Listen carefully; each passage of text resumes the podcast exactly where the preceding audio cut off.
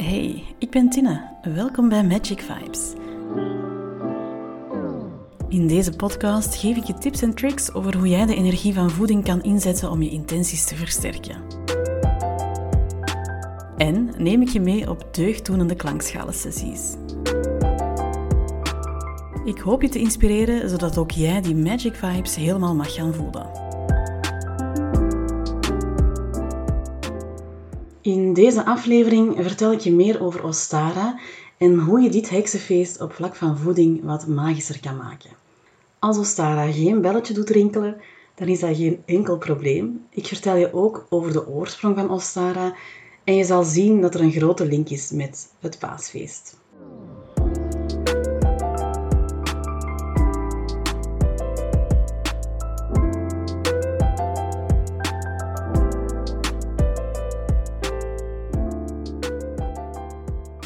Ostara is een van de grote heksenfeesten.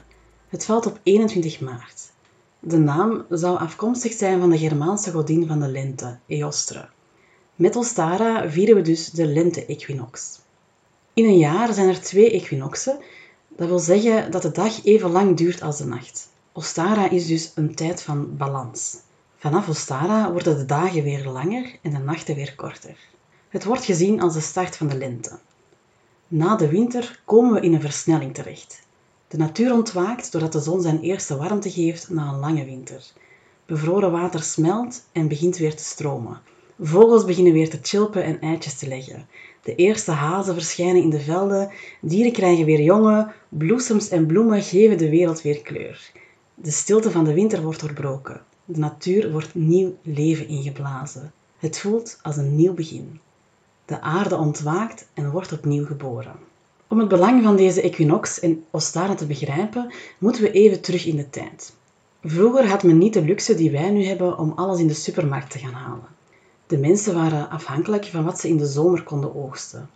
Eten werd ingemaakt, gepekeld, gezouten en gerookt, want men moest toekomen tot het einde van de winter. De winter kon dus niet alleen hard zijn omwille van het weer, maar als het een slecht oogstjaar was, was het ook op vlak van voeding geen pretje. Het was dus niet altijd evident om de winter te overleven. Je kan je dus wel voorstellen dat men echt uitkeek naar Ostara. Het feest van de lente, de overwinning, het einde van die harde, koude, lange winter. Want daar zijn ze weer, die eerste verse groenten, eetbare bloemen en kruiden, vitamine. En dat zit echt in ons collectieve geheugen. Wij hebben de luxe van verwarming, elektriciteit en overvloed aan eten. En toch kan je aan jezelf merken dat je uitkijkt naar de lente. Dat die paar dagen mooi weer je doen verlangen naar zonder jas buiten in het zonnetje vertoeven. Die belofte van warme zomeravonden. Je voelt dat je weer zin hebt om dingen te ondernemen, om in gang te schieten. Ostara werd aanschouwd als de feitelijke start van het nieuwe jaar.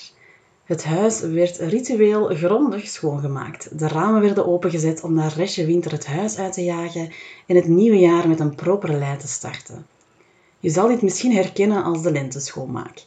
Iets wat je waarschijnlijk jouw moeder hebt zien doen, die het dan weer van haar moeder had, enzovoort en zo verder. Iets wat vroeger dus als ritueel werd gedaan, maar waar wij die echte betekenis niet meer van kennen. Dus als je al was begonnen aan de lenteschoonmaak, of er nog aan gaat beginnen, nu weet je dat je eigenlijk een eeuwenoud ritueel aan het verder zetten bent. En kan je bij deze ook bewust nieuw leven en energie je woning binnenlaten.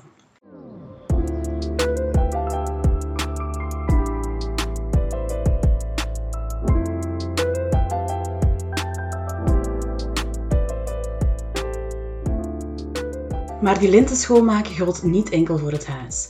Ook het lichaam zelf werd gereinigd door iets wat wij nu in deze moderne tijd een detox noemen. Dit deden ze door het eten van zuiverende kruiden. De insteek hiervan was om het lichaam en uw bloed te reinigen van het vet van in de winter. In de winter eet je nu eenmaal vettere maaltijden. Maar ook te veel aan zout werd hiermee uit het lichaam gehaald. Zoals ik al zei, werden zouten gebruikt om eten te kunnen bewaren en al dat extra zout mag er voor deze frisse nieuwe start ook weer uit. Een bijkomend doel van deze detox was om de stilstand van het lichaam op te heffen. Je kan dat eigenlijk vergelijken met de sapstroom van een boom die weer in gang komt na de winter.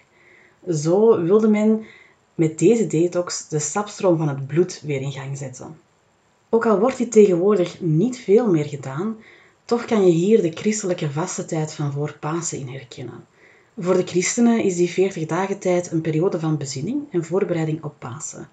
Maar eigenlijk gaat dit ook weer terug naar het reinigen van het lichaam, alvorens men Pasen viert. De Germaanse godin Eostre zou dus niet enkel haar naam aan Ostara ontleend hebben, maar ook aan Pasen of Easter op zijn Engels. Je gaat merken gedurende deze podcast dat er nog linken komen tussen Pasen en Ostara. Lijkt zo'n detox je ook wel wat? Ik ben geen detox-expert. Ik ga ook niet pretenderen om dat te zijn. Dus ik zou zeggen, zoek online wat dingen op die bij jou en je levensstijl passen. Er is genoeg te vinden. Ik ga wel enkele specerijen en kruiden aanraden die je zou kunnen toevoegen aan je detox omwille van hun magische eigenschappen.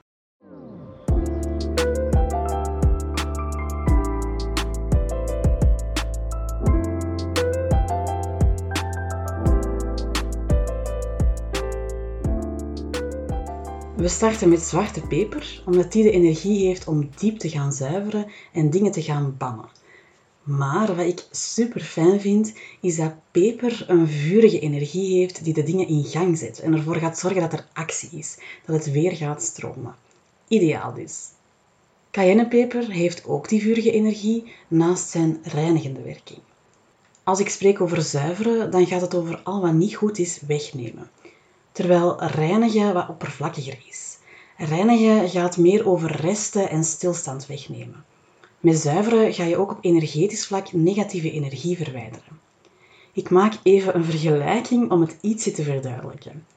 Reinigen is dus de alledaagse schoonmaak en het onderhouden van, ervoor zorgen dat je huis niet helemaal ontploft is, terwijl zuiveren die grote schoonmaak is, grondiger kuisen, diepgaander.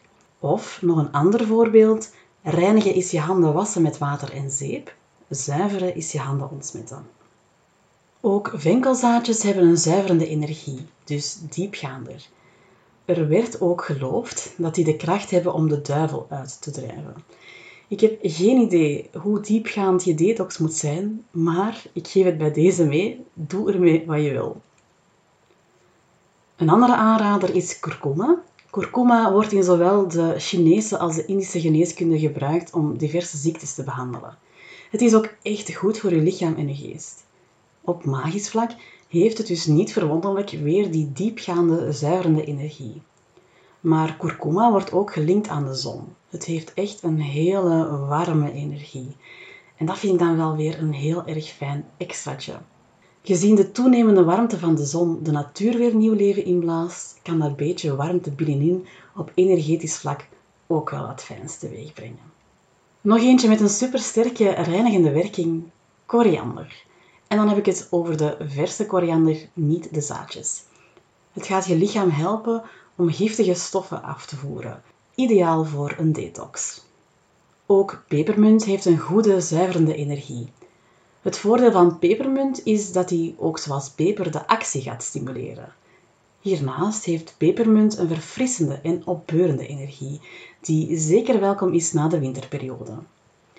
Nog een beetje voor de essentiële olieliefhebbers.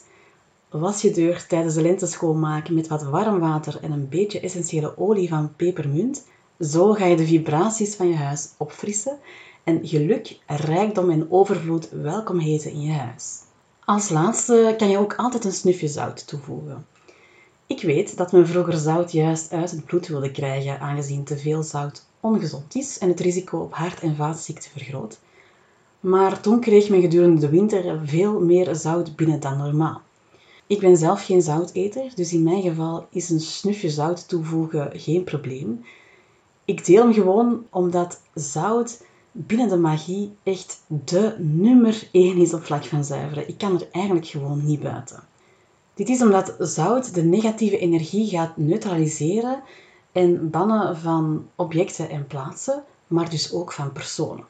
Het gaat echt een magische barrière creëren, zodat je lichaam zich gaat kunnen herstellen. En het is dus volledig aan jou of je hem al dan niet tijdens een detox wil inzetten. Maar nu weet je wel ineens wat zout op magisch vlak voor je kan betekenen. Ben je geen detox van, dan raad ik je een theetje of zelfgemaakte iced tea met pepermunt of venkelzaadjes aan. Of misschien een combinatie van de twee. Door bewust die te drinken en intentie te zetten, ben je eigenlijk ook al bezig met magie. En kan je dus ook je lichaam energetisch reinigen. Hoe al die dingen juist in zijn werk gaan, vertel ik nog in een volgende podcast. Dus mocht je nu zoiets hebben van, wow, waar gaat dit nu eigenlijk allemaal over, Tine? Al die intenties en wat is dat eigenlijk allemaal? Geen nood, ik ga er later nog op terugkomen.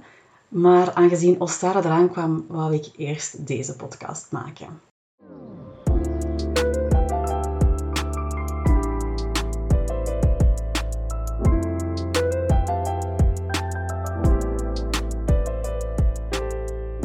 Een van de krachtigste symbolen van Ostara is het ei. En hier is die link weer met het paasfeest. Een ei bestaat uit een harde buitenlaag, de schaal. Die staat symbool voor de winter. En een zachte binnenkant, die symbool staat voor de lente. Als je een ei breekt, dan breek je symbolisch die harde wintergrond open om het nieuwe leven eruit te laten. Vroeger werden er wensen, symbolen of sigels en gebeden op eieren geschreven. Deze werden begraven om een vruchtbaar land en goede oogst te vragen. Nu kennen we de chocoladepaaseitjes of de paastakken met eitjes in vrolijke kleurtjes, maar in oorsprong staat een ei symbool voor de lente-equinox, voor creatie, voor de hoop op nieuw leven, voor de wedergeboorte van de natuur. Hiernaast staat het ei symbool voor ons hele universum waarbij je de dooier hebt die de zon symboliseert en dus de mannelijke energie en wat dan sommigen de god noemen. En het eiwit, de maan, die de dooier omhult met vrouwelijke energie of de godin. Beide energieën zijn in een ei in balans aanwezig, wat dus perfect is voor Ostara, aangezien de dag en de nacht dan eventjes in balans zijn. Tijdens de donkere wintermaanden stoppen kippen met eieren leggen. Tenzij er natuurlijk een warmtelamp aanwezig is, maar daar spreken we nu niet over. Van zodra de lente terug in zicht is en de dagen weer langer gaan worden, starten ze weer met leggen en komt er dus weer een voedingsbron bij. Eieren hebben dus ook de energie van overvloed, naast die van wedergeboorte. Verder kan je ze inzetten om het leven zelf te gaan vieren of om je vruchtbaarheid te versterken. Je kan er ook de start van iets nieuws mee in de verf zetten. Gooi de schalen zeker niet weg, want deze hebben een super goede beschermende energie. Als je ze tot een poeder maalt, kan je dat poeder gebruiken tegen negativiteit. Je kan het bijvoorbeeld aan je voordeur strooien om je huis te beschermen tegen het negatieve. Eet je met Pasen of voor Ostara graag eitjes? Met een beetje peper kan je jezelf nog wat extra reinigen, zoals ik daarnet vertelde. Of maak bijvoorbeeld een eiersalade en voeg er ook nog wat peterselie aan toe. Peterselie heeft ook een zuiverende en beschermende energie. Die staat ook voor wedergeboorte en de lente, dus is echt ideaal om te gaan combineren. Ik maakte reeds een post over de magische eigenschappen van peterselie, want peterselie heeft er nog een aantal. En die post kan je op mijn Instagram-pagina cela.proefdemagie terugvinden. Zeker even checken als je dus die andere magische eigenschappen van peterselie ook te weten wil komen.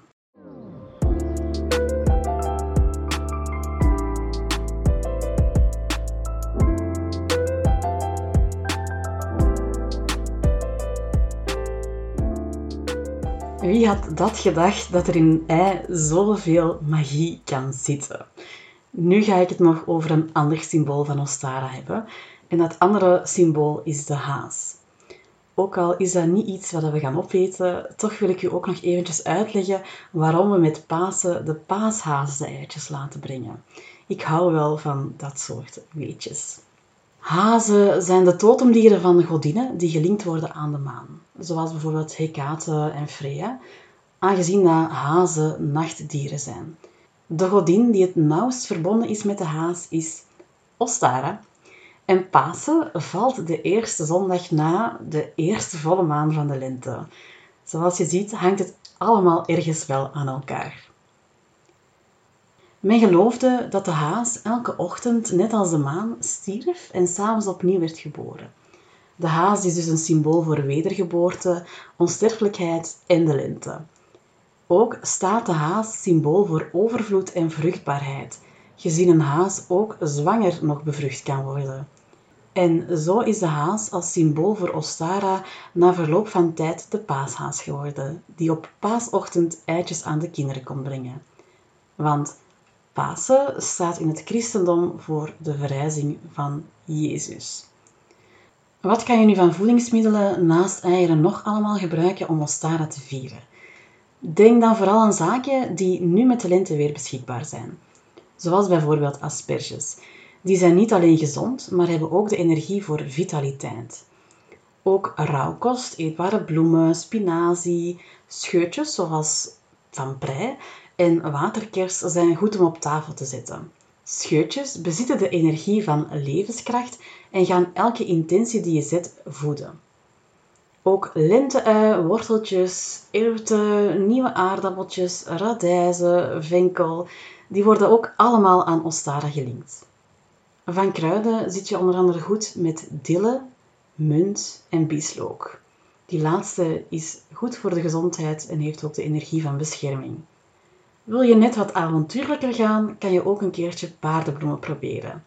Die hebben de energie voor gezondheid en geluk, maar ook die van hoop. Voor de vleeseters hoort lamsvlees bij Ostara, want ja, ook de lammetjes zijn er weer. Als je zoals ik geen vleeseter bent, dan raad ik je aan om sojabonen of sojaproducten te gaan inzetten. Sojabonen hebben de energie voor overvloed, geluk en bescherming. Een mooie voor deze frisse nieuwe start.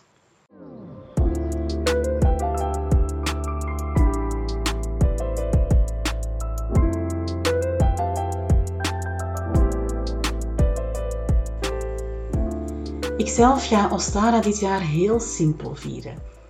Ik ben van plan om zelf brood te bakken, omdat voor mij brood bakken op magisch vlak een van de meest krachtige zaken is die je kan doen. Je kan echt letterlijk je intenties het deeg inkneden. Iets waar ik ongetwijfeld nog op terugkom in een volgende podcast. Ik probeer dit keer wel iets nieuws. Ik kwam tegen dat je met kleurstof voor voeding je deeg kan beschilderen voor je het bakt. Dus ik hoop om uh, dit jaar voor Ostara een mooi bloemenmotief op mijn brood te krijgen. En wie weet dat ik er in een creatieve bui nog wel een haas bij opzet. Wij hebben hier zelf enkele kippen in de tuin, dus het brood zal hier met een eiersalade of gebakken of gekookt eitje worden gecombineerd. En buiten een mooi gedekte tafel met verse bloemen en zelfgemaakte iced tea heb ik op dit moment eigenlijk geen plannen. Maar ja, wie weet zet ik toch nog wel wat extra's op tafel. En dat vind ik ook het mooie aan magisch koken. Ik ga het denk ik blijven herhalen, maar het hoeft echt niet altijd super ingewikkeld te zijn. Ik voel dat ik op dit moment nog wat moet ontwaken uit de winter. Ik had een wat drukkere periode op het werk, waardoor ik wel wat spaarzaam wil zijn in mijn energie in plaats van mezelf dan ontzettend veel druk op te leggen om een gigantisch uitgebreid feestmaal te voorzien, is het gewoon voor mij veel fijner om op een makkelijkere manier Ostara te vieren. In plaats van dat ik de moed zou verliezen en helemaal niks zou doen. Want het allerbelangrijkste bij koken met magie is eigenlijk die intentie die je zet. En in geval van Ostara kan het ook gewoon het vieren van de lente zijn. Ik hoop dat ik je zin heb gegeven om Ostara te vieren, of toch om het paasfeest op een iets bewustere manier te gaan ervaren. Smaakte dit naar meer? Volg dan mijn Instagram-pagina cela.proefdemagie. Fijn dat je luisterde. Veel plezier met alle tips en tot een volgende Magic Vibes.